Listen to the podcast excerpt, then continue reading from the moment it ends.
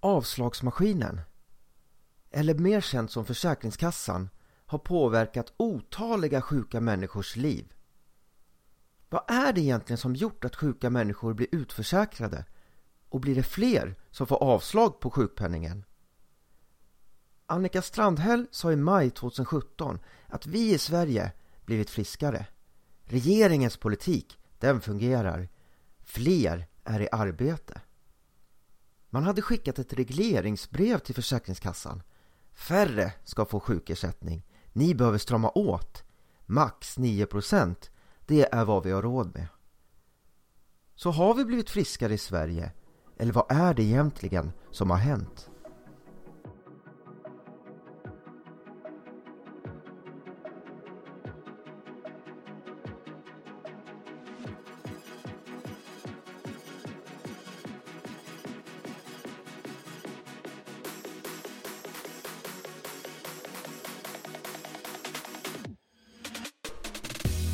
Du lyssnar på Välfärdspodden med Alexander Skytte och Linnea Lindqvist.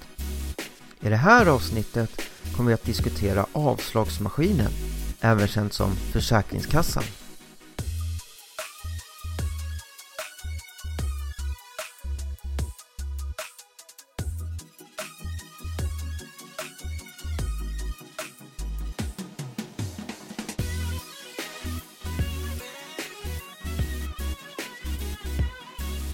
Linnea, Ja, Alex.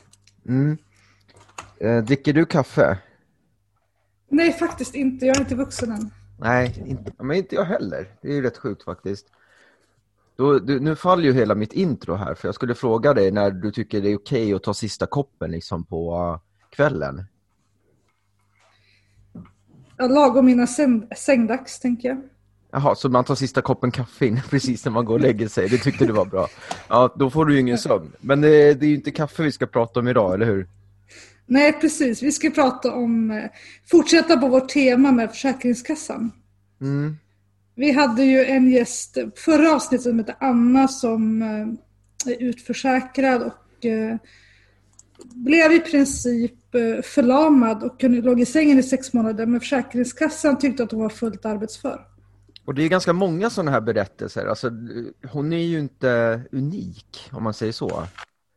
Nej, verkligen inte. Det är bara att kolla i Försäkringskassan-upproret på Facebook. Där är 70 000 medlemmar. Och där finns det en och annan sån här berättelse. Väldigt, väldigt många. Ja. Men då så, ska du inte berätta vem vi har med oss idag då? Jo, vi har bjudit in Niklas Altemark som är forskare på Lunds universitet och han har tittat på sjukförsäkringssystemet. Så att det passar ju bra när vi har haft gäster då som har drabbats och ja, men vad beror det på att lagstiftningen och att den tolkas på det här sättet? Ja, varmt välkommen Niklas.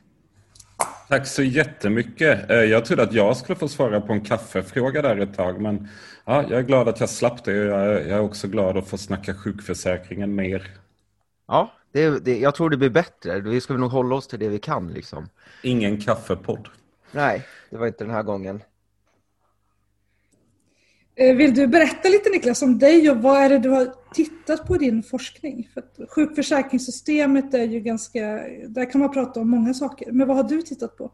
Nej, men jag har, eh, jag har faktiskt haft en ambition att titta ganska brett på sjukförsäkringen. Jag har forskat i tre år. Eh, och idén från början var att, att titta på vad som händer med människor som får avslag på sjukpenningansökan. Eh, Och sen när jag höll på med det här projektet så började jag glida in mer och mer och titta på vad som händer inne på Försäkringskassan, hur de har burit sig åt för att göra fler avslag och jag har också tittat på hur regeringen har styrt Försäkringskassan. Så att ambitionen här är, ja, men den är någonstans att, att eh, täcka in liksom regeringens vilja, Försäkringskassans eh, interna styrning och också visa konsekvenserna av detta i människors, sjuka människors liv. Hur kom det sig att du började intressera dig för, för Försäkringskassan från första början? Nej, men jag har tittat, jag, jag har forskat om, om funkispolitik, eh, om människor med normbrytande funktion. Eh, och har skrivit två böcker om det. Eh, och sen så började jag skriva om personlig assistans och det är ju Försäkringskassan som bestämmer vem som ska få statlig assistans. Och när jag forskade om det så såg jag en parallell i att, att eh, i både den personliga assistansen och i sjukpenningen så gav regeringen myndigheten ett uppdrag att, att eh, sänka kostnaderna för de här systemen. Eh, och eh, Försäkringskassan var väldigt duktiga då på att tillgodose regeringens vilja. Man, man lyckades i båda fallen att, att se till så att det blev fler avslag ganska snabbt. Eh, så att jag gled över på det från det hållet och sen så ska jag väl säga att jag är liksom också liksom mitt etos eh, och min grundläggande värdering är att, att människan definieras utav sin, sin sårbarhet, att våra kroppar förändras, att vi kan börja fungera på alla möjliga sätt. Vi kan bli sjuka, vi kan skada oss, eh, vi vet aldrig liksom vad det är för barn vi väntar eh, och så vidare och så vidare. Och så menar jag då att en solidarisk välfärdspolitik bygger på att vi ska ta konsekvenserna av det faktumet att vi är sårbara, vi ska bygga ett samhälle där vi bär vår sårbarhet gemensamt. Eh, och liksom utifrån den idén då så, så tycker jag att det känns naturligt att, forska och, och göra en, en kritisk analys av hur sjukförsäkringssystemet funkar. Så Försäkringskassan, de, de är alltså väldigt effektiva här då? då? Ja, de är I sitt arbete. Ja, de är väldigt duktiga på att möta regeringens målsättningar. 2015 så, så formulerade Annika Strandhäll, som då var socialförsäkringsminister, målet att sjuktalet skulle ner till 9,0. Sjuktalet är eh, det är ett mått på hur mycket sjukpenning svenska folket tar ut. Eh, så att, så att hon säger att ja, sjuktalet ska ner. Eh, och jag menar Försäkringskassan de kan inte göra någonting åt arbetsmiljön på arbetsmarknaden eller folkets, den svenska befolkningens hälsa eller de kan inte göra någonting åt primärvårdens bemötande och så vidare. och så vidare. Utan det Försäkringskassan kan göra det är att de kan ändra sin bedömning av vem som har rätt till ersättning. Och när man tittar på den här statistiken då så ser man att, att eh, antalet avslag eh, sticker iväg direkt, eh, alltså några veckor efter att Annika Strandhäll har satt det här målet. Eh, så har det liksom redan fått en effekt i hur myndigheten eh, bedömer rätten till ersättning. Och, och, så har det liksom fortsatt sedan 2015 och egentligen fram tills idag. Så har det blivit allt svårare att få ersättning. Eh, sjuktalet sjunker eh, kan man säga. Alltså det är ganska häftigt här ändå kan jag tycka. Eh, att, att man lyckas liksom på det här sättet. Eh, för det, det, är ju ganska vanligt att man liksom sparkar på de som redan ligger ner om man uttrycker sig så. Och mm. Eh, vissa brukar ju säga att men man, måste vara, man måste vara stark för att kunna be om hjälp. Och det här är ju verkligen lite det det handlar om. Du måste ju vara stark för att kunna gå emot en sån här myndighet. Så hur kommer det sig att människor som är uppenbart sjuka anses vara fullt arbetsförda av Försäkringskassan? Det beror på... Ja. Ja, alltså det, är, det är ju en, det är en, det är en teknisk eh, fråga. Alltså för det första ska man säga att det finns ju i, inom förvaltningsforskningen då, som, jag, som är liksom mitt forskningsfält, det har vi ju skrivit i flera decennier om hur jäkla svårt det är att implementera politiska beslut. Eh, eh, det kommer med nya policies, vi kommer med nya mål, inget händer. Eh, så. Och, och liksom på Försäkringskassan så tar det några veckor innan man får effekt. Så det är i sig liksom eh, fascinerande. Eh, sen så stämmer ju den iakttagelsen att, att när det ska sparas pengar eh, och det är ju en ja, men närmast en överideologi i vårt samhälle eh, och i de flesta samhällen i, i västvärlden i alla fall att, att kostnadseffektivitet och att eh, eh, budgetbalans och så vidare och så vidare är liksom någon slags överordnade kvalitetsmått på, på vad som är bra, bra politik, bra styre.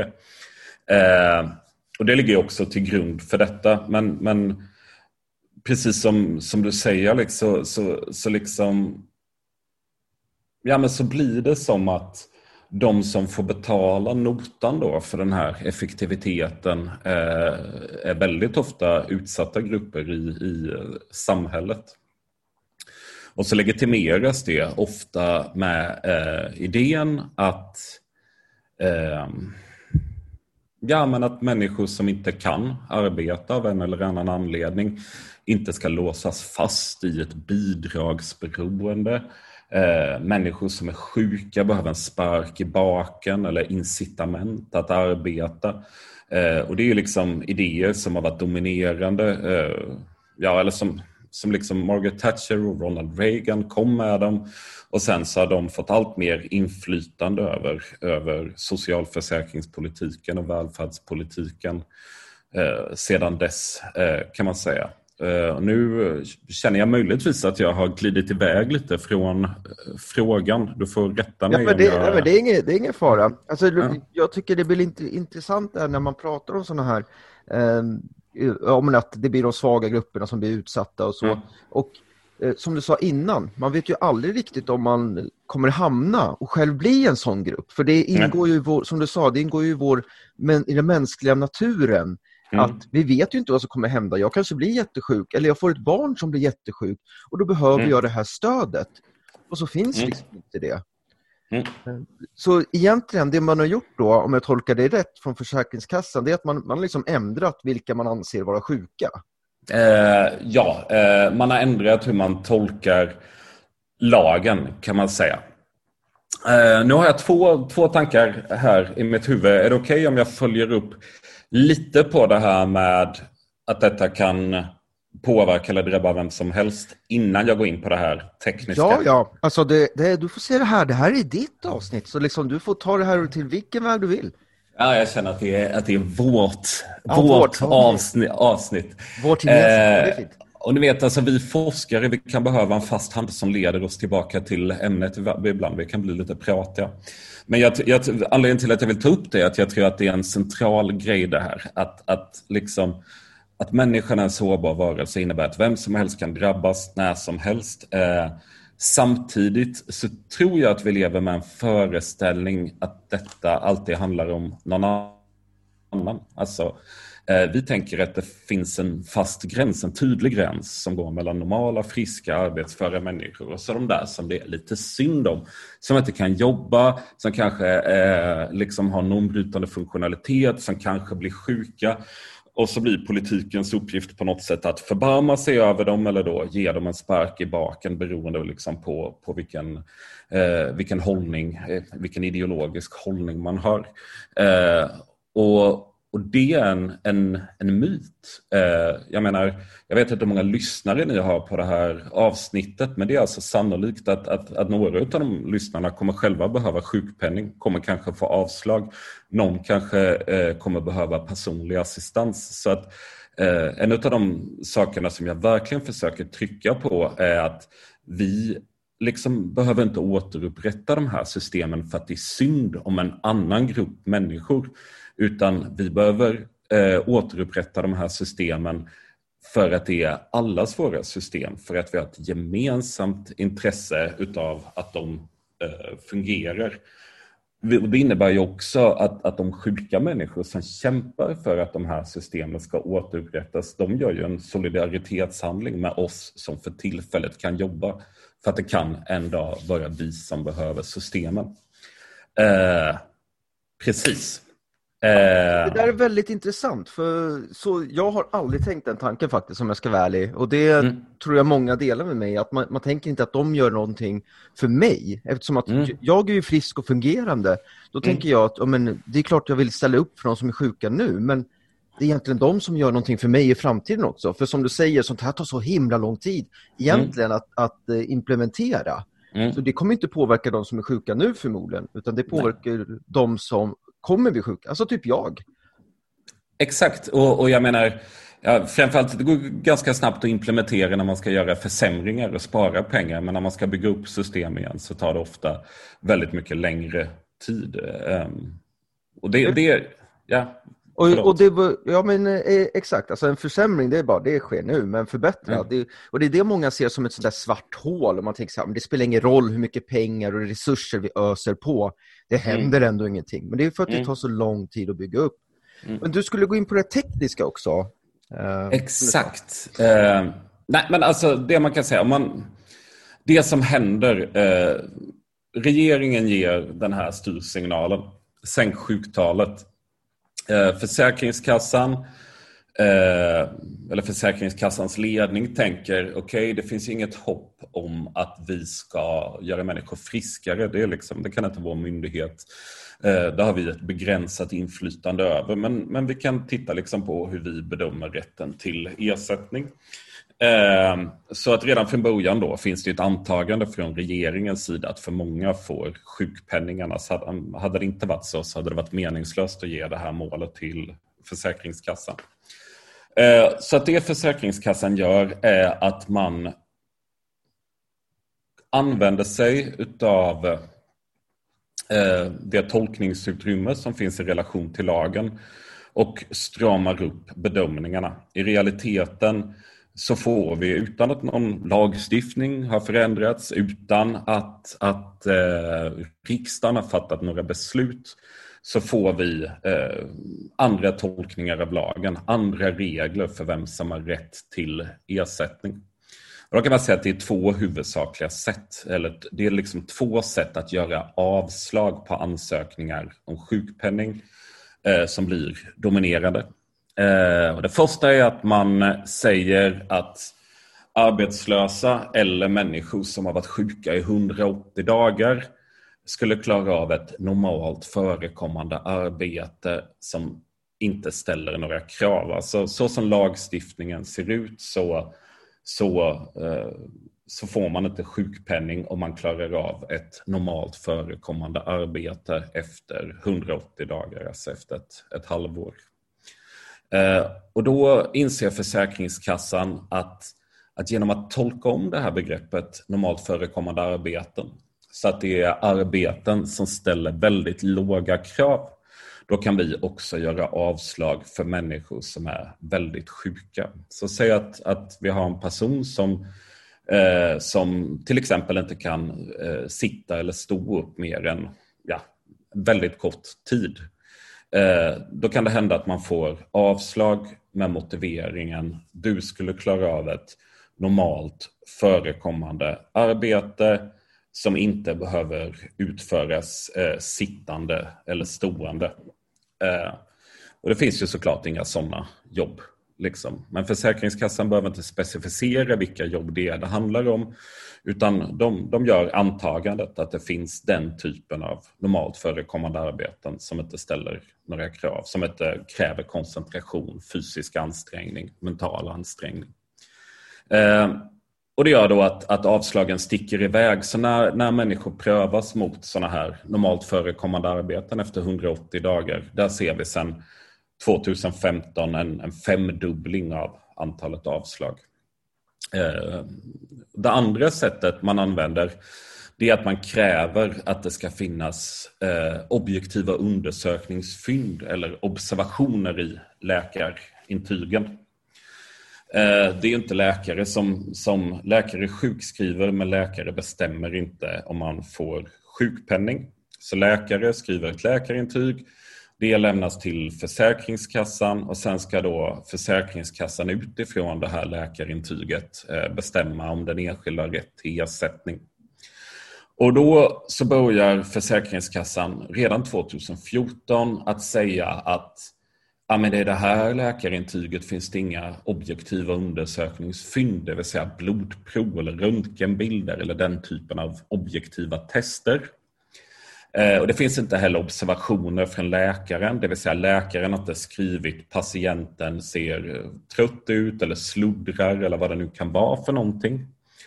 Eh, och då menar man att, att rätten till ersättning inte är styrkt helt enkelt. Eh, och det, jag menar, det här påverkar inte människor som har brutit benet till exempel, för där finns det ju röntgenbilder, där finns det objektiva fynd. Men, men för människor med utmattningssyndrom eller andra liksom, psykiska sjukdomar eller för människor med kriteriediagnoser som fibromyalgi eller vad det nu kan vara för någonting. Där finns det ju per definition inte några objektiva undersökningsfynd. Eh, och just de grupperna då så ser vi att avslagen har ökat väldigt, väldigt kraftigt. Eh, så att det är liksom framförallt på de här, genom de här två omtolkningarna utav lagstiftningen som Försäkringskassan ganska snabbt eh, lyckas se till så att det helt enkelt blir mycket svårare att få ersättning. Så om man går till den första igen, det här med att man vanligt förekommande arbete. Yes. Um, då man tar ingen hänsyn till vad människan har för utbildning eller vad man har jobbat tidigare som? Nej, eh, det gör man inte. Man, man liksom använder sig väldigt mycket av mantrat att, att sjukförsäkringen är en omställningsförsäkring. Eh, så är det så att man har nedsatt, efter 180 dagar, har man nedsatt arbetsförmåga eh, mot det arbetet som man hade när man blev sjuk så förväntas man då eh, liksom skola om sig och, och, ta ett annat arbete som man klarar istället. Så är det så att man har jobbat som lärare till exempel men har eh, liksom inte har förmåga att tala längre eller sådär så, så är tanken att man ska slänga lärarutbildningen även ifall den kan komma tillbaka om ytterligare ett år med rehabilitering. Eh, och så ska man utbilda sig eller liksom ta ett annat jobb helt enkelt, där man inte behöver snacka. Men det är ju ett väldigt stort ansvar där på individen man lägger. Ja, absolut. Och det är ju väl, jag kan tänka mig att det är få som liksom har den förmågan för en sån omställning, men det är kanske inte så långt som man tänker då. Nej, men, nej, nej, men absolut. Eh, det är, det är ju liksom ideologin, den bakomliggande ideologin här är att skjuta ansvaret mot den enskilde så att den enskilde ska ta Eh, ansvar för sin egen rehabilitering, för sin egen omställning och så vidare. och så vidare. Och jag menar, säg då att om vi har en, en sjukdom som, som gör att en lärare tappar talförmågan, det är liksom att, att insjukna i en kronisk eller allvarlig sjukdom är i sig ganska traumatiskt och så dessutom läggs ovanpå detta då de här ganska Alltså ens ekonomiska trygghet sätts ju på spel, det är liksom det som händer.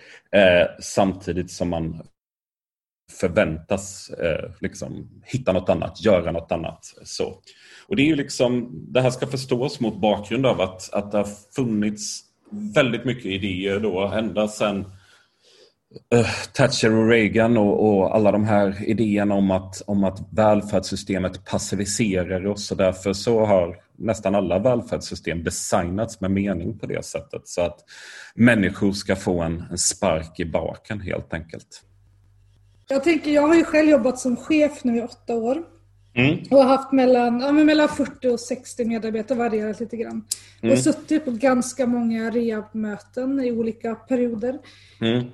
Och det, jag, ty, jag, tycker att det har blivit jag tycker Försäkringskassan har blivit hårdare de sista mm. fem åren. Men mm. också det här när man sitter i de här samtalen och jag och läkaren och liksom HR, mm. det är att den här personen är ju sjuk. Alltså mm. vi är helt överens om att den här personen kan inte arbeta i skolan. Mm. Och Försäkringskassan säger så här, men då får du söka ett annat jobb. Mm. Jag tycker att de är så, jag tycker, ofta tycker jag att de är så oresonliga. Att det bara, mm. men du får utbilda dig till någonting annat. Upplever mm. du också att det har blivit mer så? Att de har blivit liksom tuffare? Ja, de har absolut blivit tuffare. Eh, jag menar, idén att det är en omställningsförsäkring den finns ju inbyggd i, i, i lagstiftningen. Eh, så. Jag, tyck, jag, tycker att, att det är liksom, jag tycker att det är orimligt att man ska behöva att, att, att vi designar systemet så att man ska omskola sig efter ett halvår. Det är liksom det är inte samhällsekonomiskt vettigt. Det är liksom innebär ju personliga tragedier för människor och sådär. Men, men, men överlag liksom i hur man bedömer rätten till ersättning så, så har man absolut blivit eh, ganska mycket tuffare under de senaste, ja men framförallt under de senaste fem åren. Eh, ut, utan tvekan. Och nu har vi pratat lite om det här med din första del om man säger så. Alltså det här med um, ens yrke och det yrket som, som man går mot, vanligt förekommande som man kallar Mm. det, fast det inte är vanligt Mm. förekommande, utan extremt Mm. ovanligt förekommande.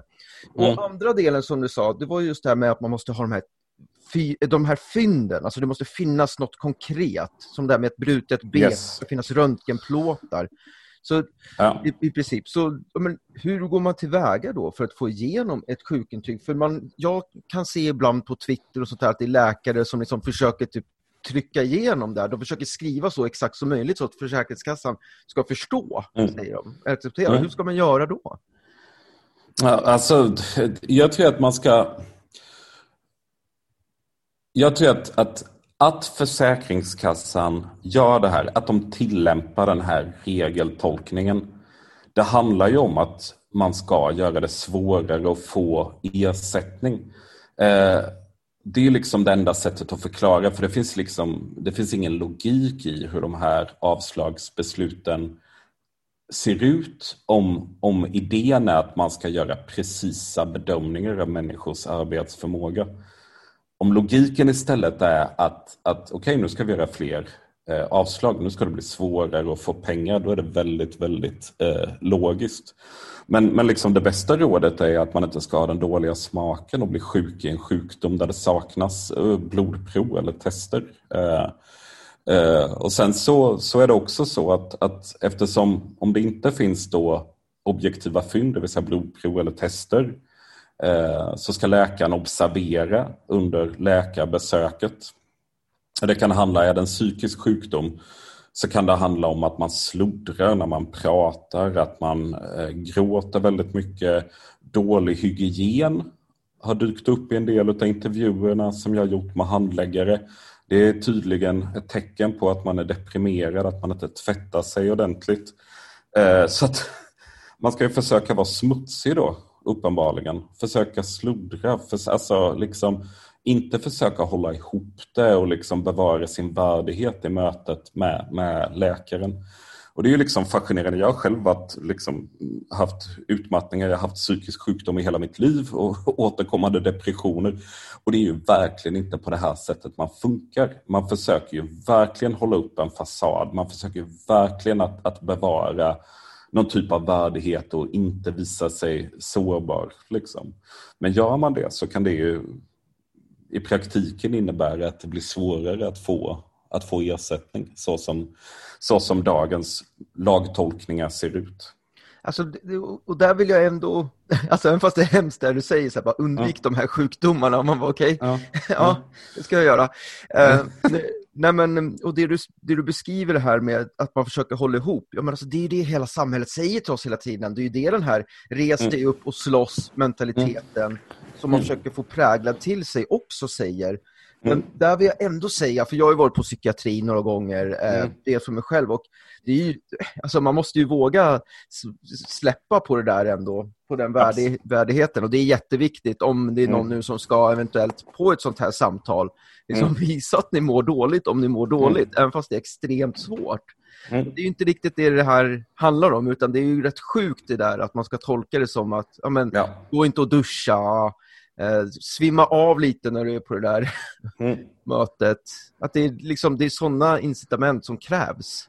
Mm, och alltså det är, alltså för jag tror att, att det du säger här det är väldigt viktigt. Alltså att Egentligen så borde ju fokus här vara, okej, man är, vi, är, vi är liksom ena sköra jäklar. Vi mår så jäkla dåligt ibland och det är en, en del av livet och, och jag önskar alla att, att liksom undvika det så långt som möjligt. Men det går inte eh, helt för alla och, och, och så är det. Och, och jag menar, i det arbetet att ta hand om sig själv, att tillåta sig själv att vara sårbar, att tillåta sig själv att släppa taget, det är ju, är ju såklart skitviktigt. Eh, Eh, men sen så läggs ju det här välfärdssystemet ovanpå det med en massa andra incitament. Och jag menar bara att, att fixa de intygen som krävs, att göra kompletteringar, att kanske bli skickad på en arbetsförmågeutredning som man kan bli. Eh, att, att försöka få tag på en läkare som har rykte om sig att skriva bra läkarintyg. Bara det är ju ett, ett, ett stort arbete som man får lägga då sin redan väldigt begränsade energi på kan man säga. Jag vet att du skrev på Twitter någon gång tror jag att det var att, att man har ändrat ett centralt politikområde utan stöd i lagstiftningen. Ja. Vad menar eh, du när du skrev det? För det kan låta ganska så här, va? Har de ändrat något utan att ha fog i för de har, alltså, syftar du på någon statlig utredning eller vad menar ja. du? Nej, men det jag menar är att, att liksom den svenska konstitutionen funkar ju så att, att riksdagen stiftar lagar eh, och riksdagen utser regeringen och regeringen tar initiativ till nya lagar. Eh, och sen så är det myndigheternas uppgift att tillämpa lagarna. Och när man tillämpar lagarna så måste man nästan alltid tolka dem på ett eller annat sätt för de är inte så detaljerade så att de täcker alla situationer som uppkommer i samhället helt enkelt.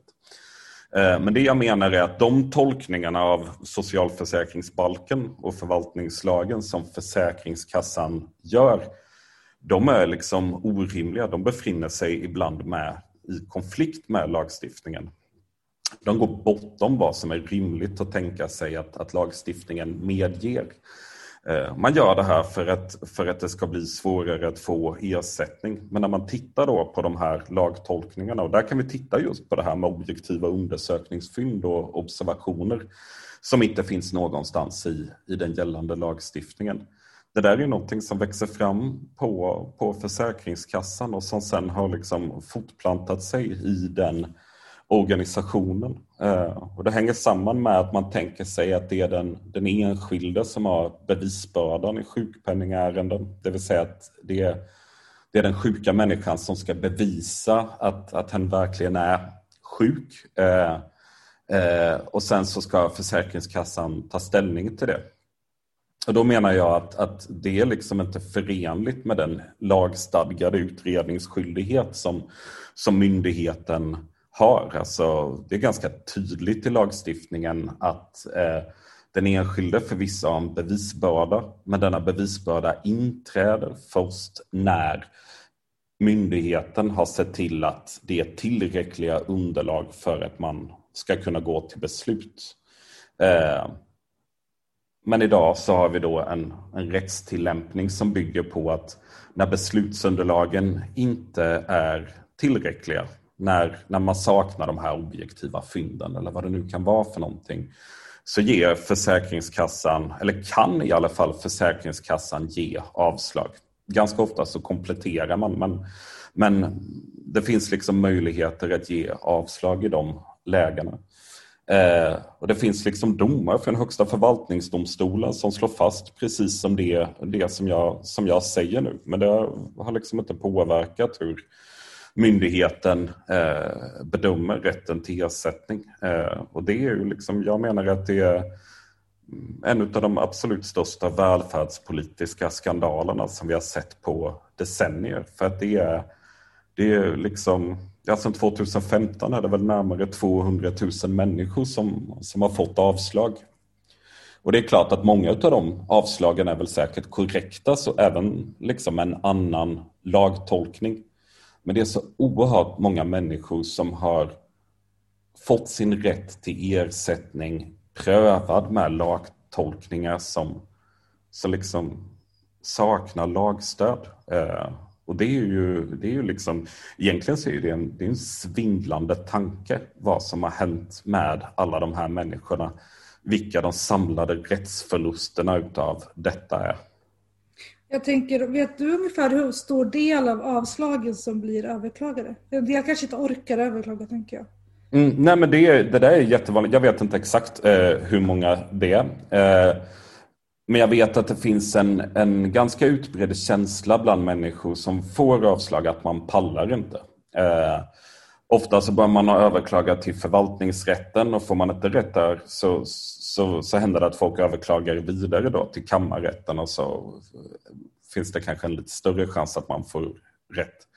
Eh, och innan det så har man dessutom gjort en omprövning som görs av myndigheten. Så hela den här processen är ju väldigt, väldigt lång. Jag har en person som jag skriver om i min, i min bok eh, där liksom hon fick rätt i förvaltningsrätten och, och, och, då hade det gått två och ett halvt år sedan, eller om det var två år, sedan hon fick sitt första avslag. Då fick hon liksom pengarna utbetalade retroaktivt. Och, och är man kroniskt sjuk i en svår sjukdom så är såklart det här en, en, en, en liksom väldigt, väldigt arbetsam process att, att ta sig igenom. Så att när jag gör mina intervjuer då med, med människor som har slängts ur sjukförsäkringen så är det ju vanligt att de berättar att jag, har liksom inte energi att överklaga.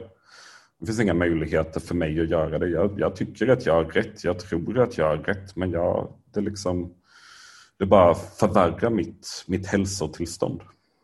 Och, då liksom, och du har, och du har pratat med, eh, om jag har förstått det rätt så har du pratat med 400 stycken, eller som du har med eh, Nej, precis. 400 eh, berättelser.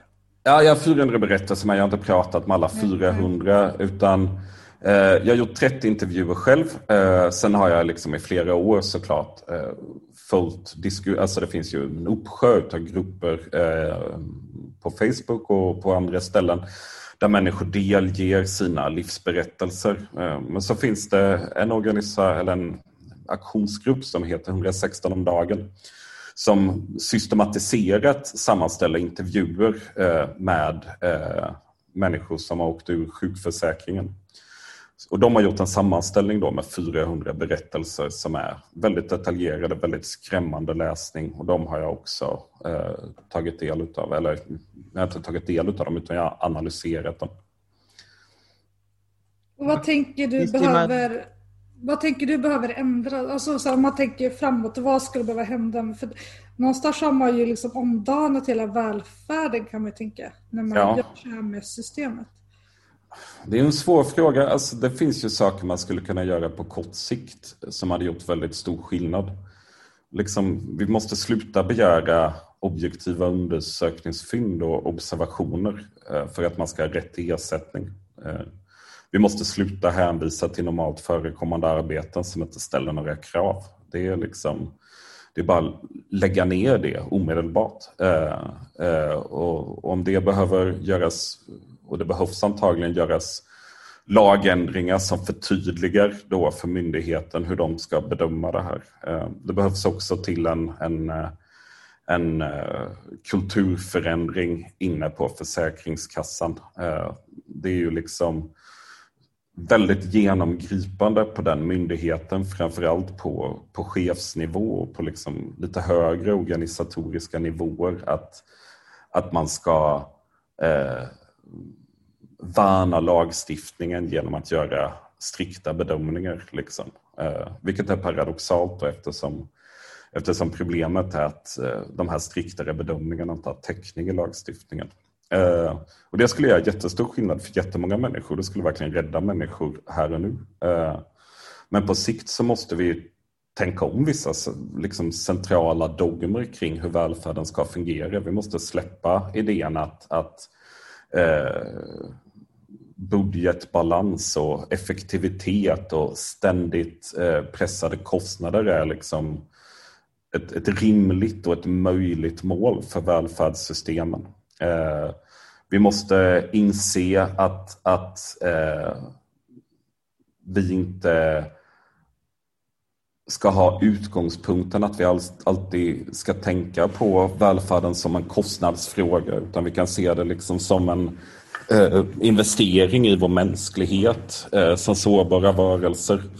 Vi måste göra oss av med idén att det är en liten grupp sjuka eller funktionshindrade som är de som behöver samhällets stöd och de är beroende medan alla vi andra är oberoende. Vi måste se att, att de där gränserna mellan det normala och det avvikande inte är alls så fasta som vi tänker oss. Ehm, men jag menar de här sakerna är ju, vi har ju i, i i realiteten i åtminstone 30 års tid liksom rört oss och dragit åt det här hållet. Och nu har vi hamnat i den här situationen.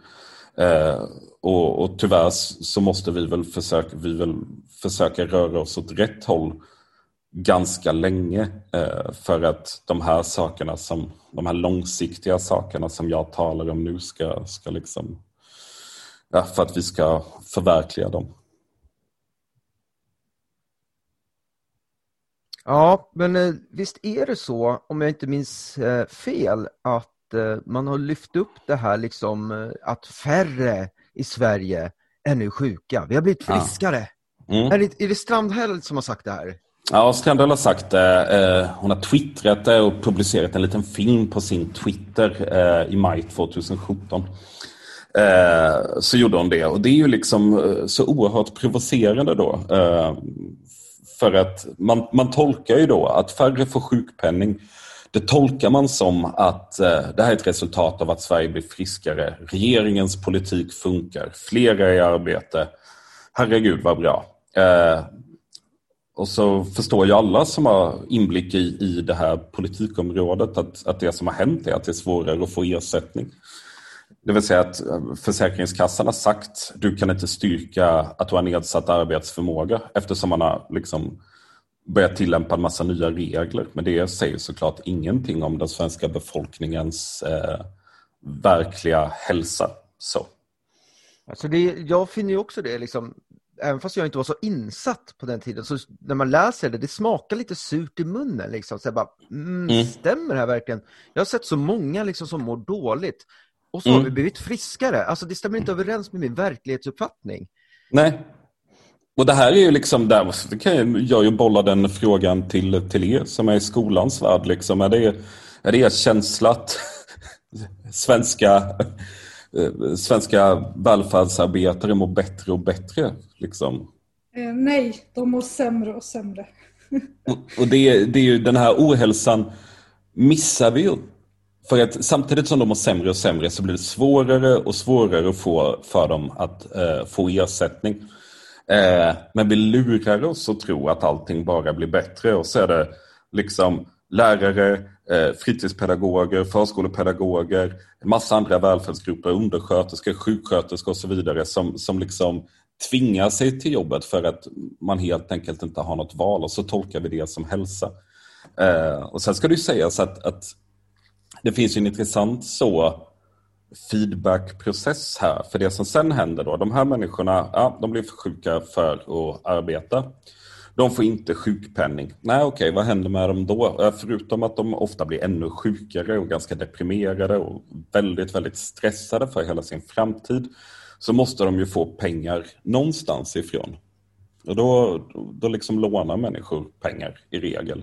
Många blir försörjda av sin partner. Man säljer sina ägodelar. Eh, men för, för en del av de här människorna så, så landar man sen ändå i den kommunala ekonomin för att man får försörjningsstöd eller socialbidrag som det, som det har hetat. Eh, och i, i liksom statistiken över eh, hur många utav landets äh, socialbidragstagare som får eh, försörjningsstöd för att man inte har sjukpenning, där så har vi sett en ganska stadig ökning under de senaste tio åren. Så att, så att på något sätt så liksom flyttas ju kostnaderna runt i välfärdssystemet.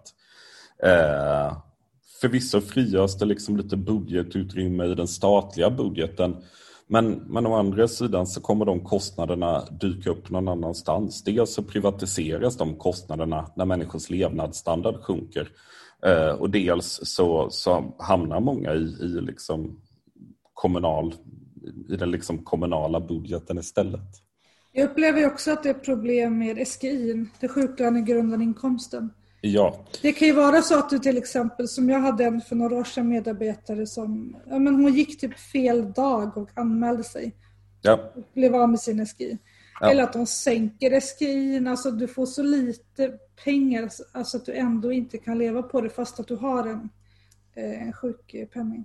Mm, ja, men så kan det absolut vara. Eller en sjukersättning eller aktivitetsstöd då som en ersättning om man är med något så arbetsmarknadspolitiskt program. SGI-bedömningarna idag är ju skoningslösa. Missar man att sjukanmäla sig eh, för att man inte kan dyka upp då på sin arbetsmarknadspolitiska åtgärd så ryker det. Anmäler man sig för sent till Arbetsförmedlingen som, som arbetssökande så, så, så ryker det också. Eh, ibland så kan det räcka med att man är ärlig och säger jag är för sjuk för att jobba till Arbetsförmedlingen så nollar de en SGI. Eh, så, att, så, så är det ju absolut. Eh, och när man väl är där att SGI har nollats då är man inte längre berättigad till sjukpenning överhuvudtaget. Så det finns massa fällor här liksom som man kan ramla i utan att ja. man egentligen är medveten om det och bara för att man vill vara en god eh, medmänniska som är ärlig egentligen.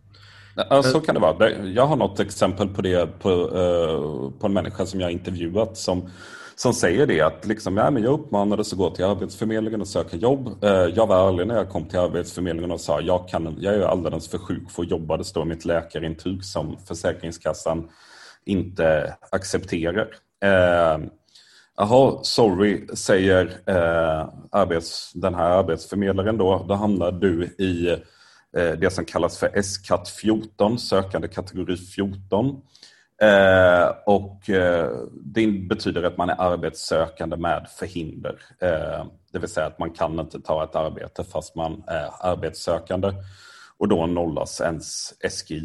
Eh, och då står man i realiteten utanför nästan alla välfärdssystem utan ekonomiskt bistånd eller försörjningsstöd. Då. Så, så där är det. Det är väldigt, väldigt svårt att vara sjuk. Det är väldigt, väldigt svårt att, att, att att försöka klara, klara sitt uppehälle uh, när man inte får sjukpenning och när man inte kan arbeta. Och det också upplever jag som Försäkringskassan. De uppmuntrar eller säger till oss arbetsgivare att vi måste anpassa arbetsuppgifterna. Yes. Vi måste anpassa arbetsmiljön. Ja. En handläggare sa till mig att ja, men oh, men om du säger att den här personen kan inte hon vara med ett barn bara i ett rum. Mm. Och jag var så, nej men så funkar det inte i skolan om du är klasslärare. Mm. Så är det ju alltså jag har inte råd att ha liksom en lärare på en elev i ett rum. Men då ställer man sig, jo men du får anpassa så att hon klarar arbetet. Mm. All HR och liksom jag och läkaren och personen vet ju att de behöver få hem och bli friska. Mm. Rehabiliteras, men det godtar man inte. Nej. Men det är ju precis det som är beslutet. Idag är regelverket så att efter 90 dagar med sjukpenning så ska man kolla om arbetsgivaren kan anpassa arbetet eller rassla fram något annat arbete på samma arbetsplats så, som den enskilde kan eh, utföra. Eh, och, och, och jag menar, alltså, det är självklart i sig inte ett problem att vi försöker att arbetsgivare tänker eller försöka anpassa arbeten på ett sådant sätt att människor som funkar på olika sätt kan jobba. Men, men det blir ett jäkla problem när det ersätter tid för rehabilitering och det, det liksom är ju många läkare som säger att, att att vara hemma, att vila, att inte göra någonting är i sig rehabiliterande. Det, det är liksom en, en, en del, alltså det är i sig behandlande. Det gör människor, speciellt med vissa psykiska sjukdomar eh, och utmattningar, det gör de människorna eh, friskare. Eh, men istället så, så ska man liksom forcera tillbaka människor så snabbt som möjligt i, i arbete och eh, då finns det ju såklart en stor risk. Det vet jag inte vad du som arbetsgivare säger, eh, liksom vad du ser där. Men, men det man kan se då i den övergripande statistiken är att det är ganska vanligt att människor kommer tillbaka eh, till sjukpenningen eh, efter ett tag för att man har pressats tillbaka för snabbt, man har börjat jobba, man har inte återhämtat sig och man kommer krascha igen. Det är jättevanligt. Mm. Upplever jag. Att, alltså man, man har ju inte råd ofta heller att vara hemma. Nej. Särskilt om man inte har liksom en familj och man kanske har två heltidslöner mm. i botten. Mm. Uh, ofta så sjunker SGI'n och det är liksom... Mm. Så att ofta och jag menar, ett, ett jobb, arbetar du i skolan så är det jättemycket ljud, jättemycket relationer. Yep. Och jobbar hos mig i Hammarkullen så måste du vara en jättestark ledare. Du måste ha fullt fokus hela tiden på eleven, annars så går det inte. Mm. Och det är extremt krävande. Mm. Så, kan... så, om vi ska liksom wrappa upp det här samtalet lite. Ja. Vi har pratat om väldigt mycket nu. Men du ja. har gjort ett gediget arbete Niklas med den här avslagsmaskinen. Alltså det är en bok som precis nu har kommit. Eh, ja. Eh, vilka, tycker, vilka skulle du önska läste den här boken? Eh, den har inte kommit än, den kommer, den kommer i slutet av oktober. Den är ja, möjlig att, att uh, förhandsbeställa. Uh, jag, jag, det, där har jag tänkt mycket på. Alltså, på ett sätt så, så är ju en sak som den här boken gör att jag, jag liksom tycker jag beskriver vad fasen som händer med människor som har fått avslag. Beskriver dem liksom hur livet ter sig. Eh, och jag tror att, att boken kan göra lite nytta i att liksom på något sätt bara bekräfta för människor i den situationen att okej, okay, det är liksom inte ni som, som lider av, det är inte ni som har blivit tokiga utan det finns, det finns någon annan som, som har sett detta och det finns många, många andra än mig som har sett detta. Liksom, det är inte bara min bok som gör det arbetet. Men jag tycker det är viktigt att lyfta de, de erfarenheterna. Sen så tror jag att, att jag vill ju nå en allmänhet som tror att vi har ett välutbyggt trygghetssystem, som tror att hjälpen finns där om man råkar bli sjuk. Eh, och liksom skaka om människor och få folk att fatta att, att nej, eh, den, den tryggheten finns inte där. Eh, egentligen har vi ända sedan, sedan liksom, ja, 2008 när då rehabiliteringskedjan infördes, det här systemet med 90 dagar och 180 dagar. Eh, men framförallt sedan 2015 och framåt fått en sjukförsäkring som inte funkar. Blir du sjuk länge så, så finns det en stor risk att du blir körd eh, efter ett halvår. Eh, eh, du kan hamna i alla möjliga sorters trubbel. Eh, och det liksom finns ju exempel i mitt material på, på verkligen människor som, som säkert har trott att de hade, hade sitt på det torra med goda inkomster, hus och sommarhus och bilar. Och, och, efter några år är allt borta. Man har fått sälja rubb och stubb, leva upp pengarna för att sen då få, kunna gå till socialtjänsten i kommunen och, och få socialbidrag. Eh, jag vill att det ska vara en omskakande upplevelse. Att jag vill att människor ska förstå att det där trygghetssystemet det ger inte speciellt mycket trygghet. Det ger det incitament att pressas tillbaka och arbeta så snabbt som möjligt. Få folk att fatta det och få folk att fatta att det här kan ligga i vems framtid som helst. Ja, det, det verkligen en rätt intressant ämne måste man säga och jag tycker det är väldigt omskakande. Jag om någon i alla fall har lärt mig massor nu när vi bara stått här och pratat liksom. Ja. Och framförallt så tar jag med mig det här med de två grejerna som ger avslag. Alltså efter de här 180 dagarna så går man mot ett vanligt förekommande jobb mm. och just att om det inte finns några fysiska fynd, eller om man kallar det, ja, så ja, då kan det ge avslag också. Ja. Så det finns mycket starka krafter man jobbar emot när man är sjuk. Ja. Så det tar jag med mig och den här boken skulle då komma i slutet av oktober. Jajamensan. Så det är en månad kvar från det här inspelningsdatumet. Det är en månad kvar från det här inställningsdatumet och man liksom kan beställa den och det är säkert folk som lyssnar som, som kanske liksom som inte har råd för att de går på försörjningsstöd och köpa boken eller som som är för sjuka för att orka läsa en hel bok och i så fall, jag hoppas att jag kommer få chansen att snacka i, i denna podden och på andra ställen om vad jag har kommit fram till så att, så att liksom, resultaten kommer alla till del som påverkas. Jag tänker som en avslutande fråga. Försäkringskassan-upproret är ett av, en av alla grupper som försöker lyfta upp de här problematiken och historierna. Mm. Tänker du, tänk, vad tänker du behövs för att det ska bli en folklig opinion för att faktiskt ändra på det här systemet?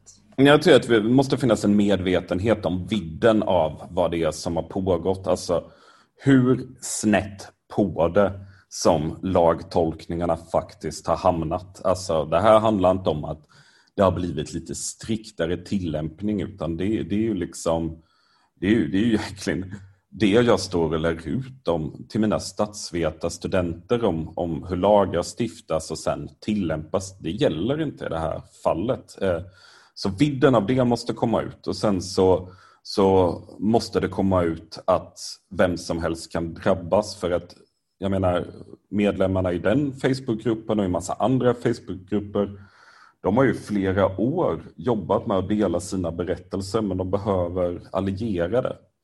Eh, de behöver allierade inom, inom massa andra rörelser som kämpar mot nedskärningspolitik. Eh, de behöver eh, allierade som för tillfället är friska och inser att, att det här liksom är en, en sårbarhet i, i vårt samhälle som, som påverkar alla. Och jag hoppas att att liksom det jag har skrivit lite grann kan, kan, kan bidra till det.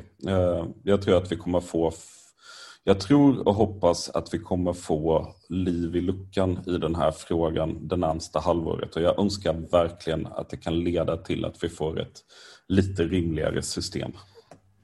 Vi uppmanar verkligen att läsa boken och har man inte råd att köpa den så kan man önska eller be biblioteken att ta in den så man kan låna den. Och kanske även låna varandra mm. i grupperna.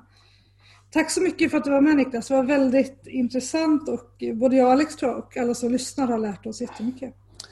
Tack så jättemycket för att jag fick komma. Det var superkul.